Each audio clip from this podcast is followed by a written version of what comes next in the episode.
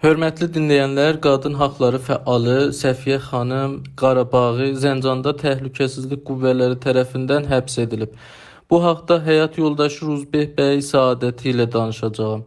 Ruzbeh bəy, mümkünsə Səfiyyə xanımın nə zaman, nə şəkildə həbs edildiyi barədə bizə məlumat verəsiniz. Günənlərim, yəni şənbə günü, gün ortadan qabaq saat 11 dövrəsi e, mən telefonla danışırdım ki, birdən dedi gəliblər ittilaatdan e, və orada tutub aparmışdılar. Yəni elə bir bir dəqiqə həddində danışa bildik. Oradan aparmışdılar. Və sonra ondan sonra yarım saat üstündən keçəndən sonra yarım saat 45 dəqiqədən sonra da gəldilər evə. Mən hökm istədim və hökm göstərmədilər və dedilər hökm maşındadır, girdilər içəri və evi də axtardılar və sonra getdilər. Ruzbeh bəy, hazırda Səfiyyə xanım harda saxlanılır? Bu haqda məlumatınız varmı? E, hansı orqanlara müraciət edibsiniz? Ona qarşı irəli sürülən ittihamlar nədir? Bu haqda məlumat verilibmi sizə? Dünənlərim axşam 6-dan o yana e, getdik idarə ittilatın qabağına, Zəncanın ittilat idarəsinin qabağına. Saat yarım orada durandan sonra neçə seri qapını döyüb soruşandan, soruşandan sonra bəlli oldu ki, Səfiyyə içəridədir və ittilatdadır.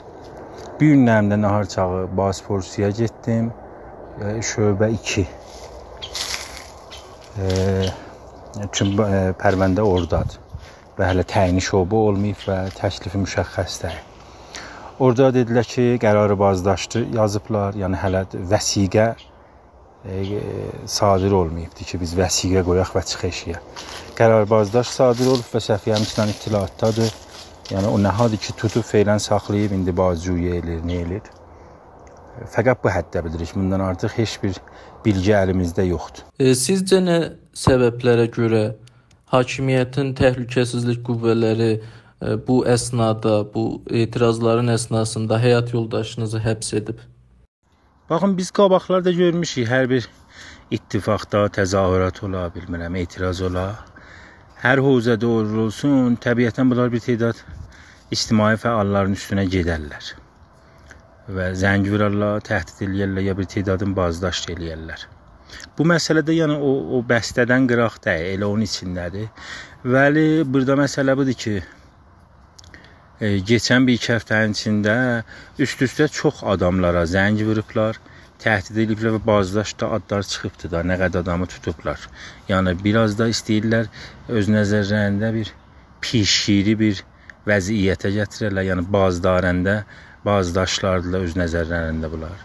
Və istəyirlər ki, yəni mənim öz şəxsi nəzərim budur ki, istəyirlər ki, hətta birindən sənəd əldə olma, olmasa ki, bu adam qarışıb bu məsələyə, qarışmayıb, yəni bu fərq eləmir.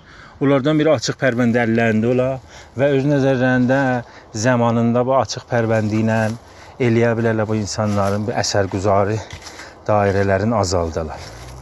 Yəni əsli məsələ budur bunların nəzərində və təbiətən xub Səfiyyə də elə fəallardan hesab olur indiki vəziyyətdə və Zəncan şəhərində.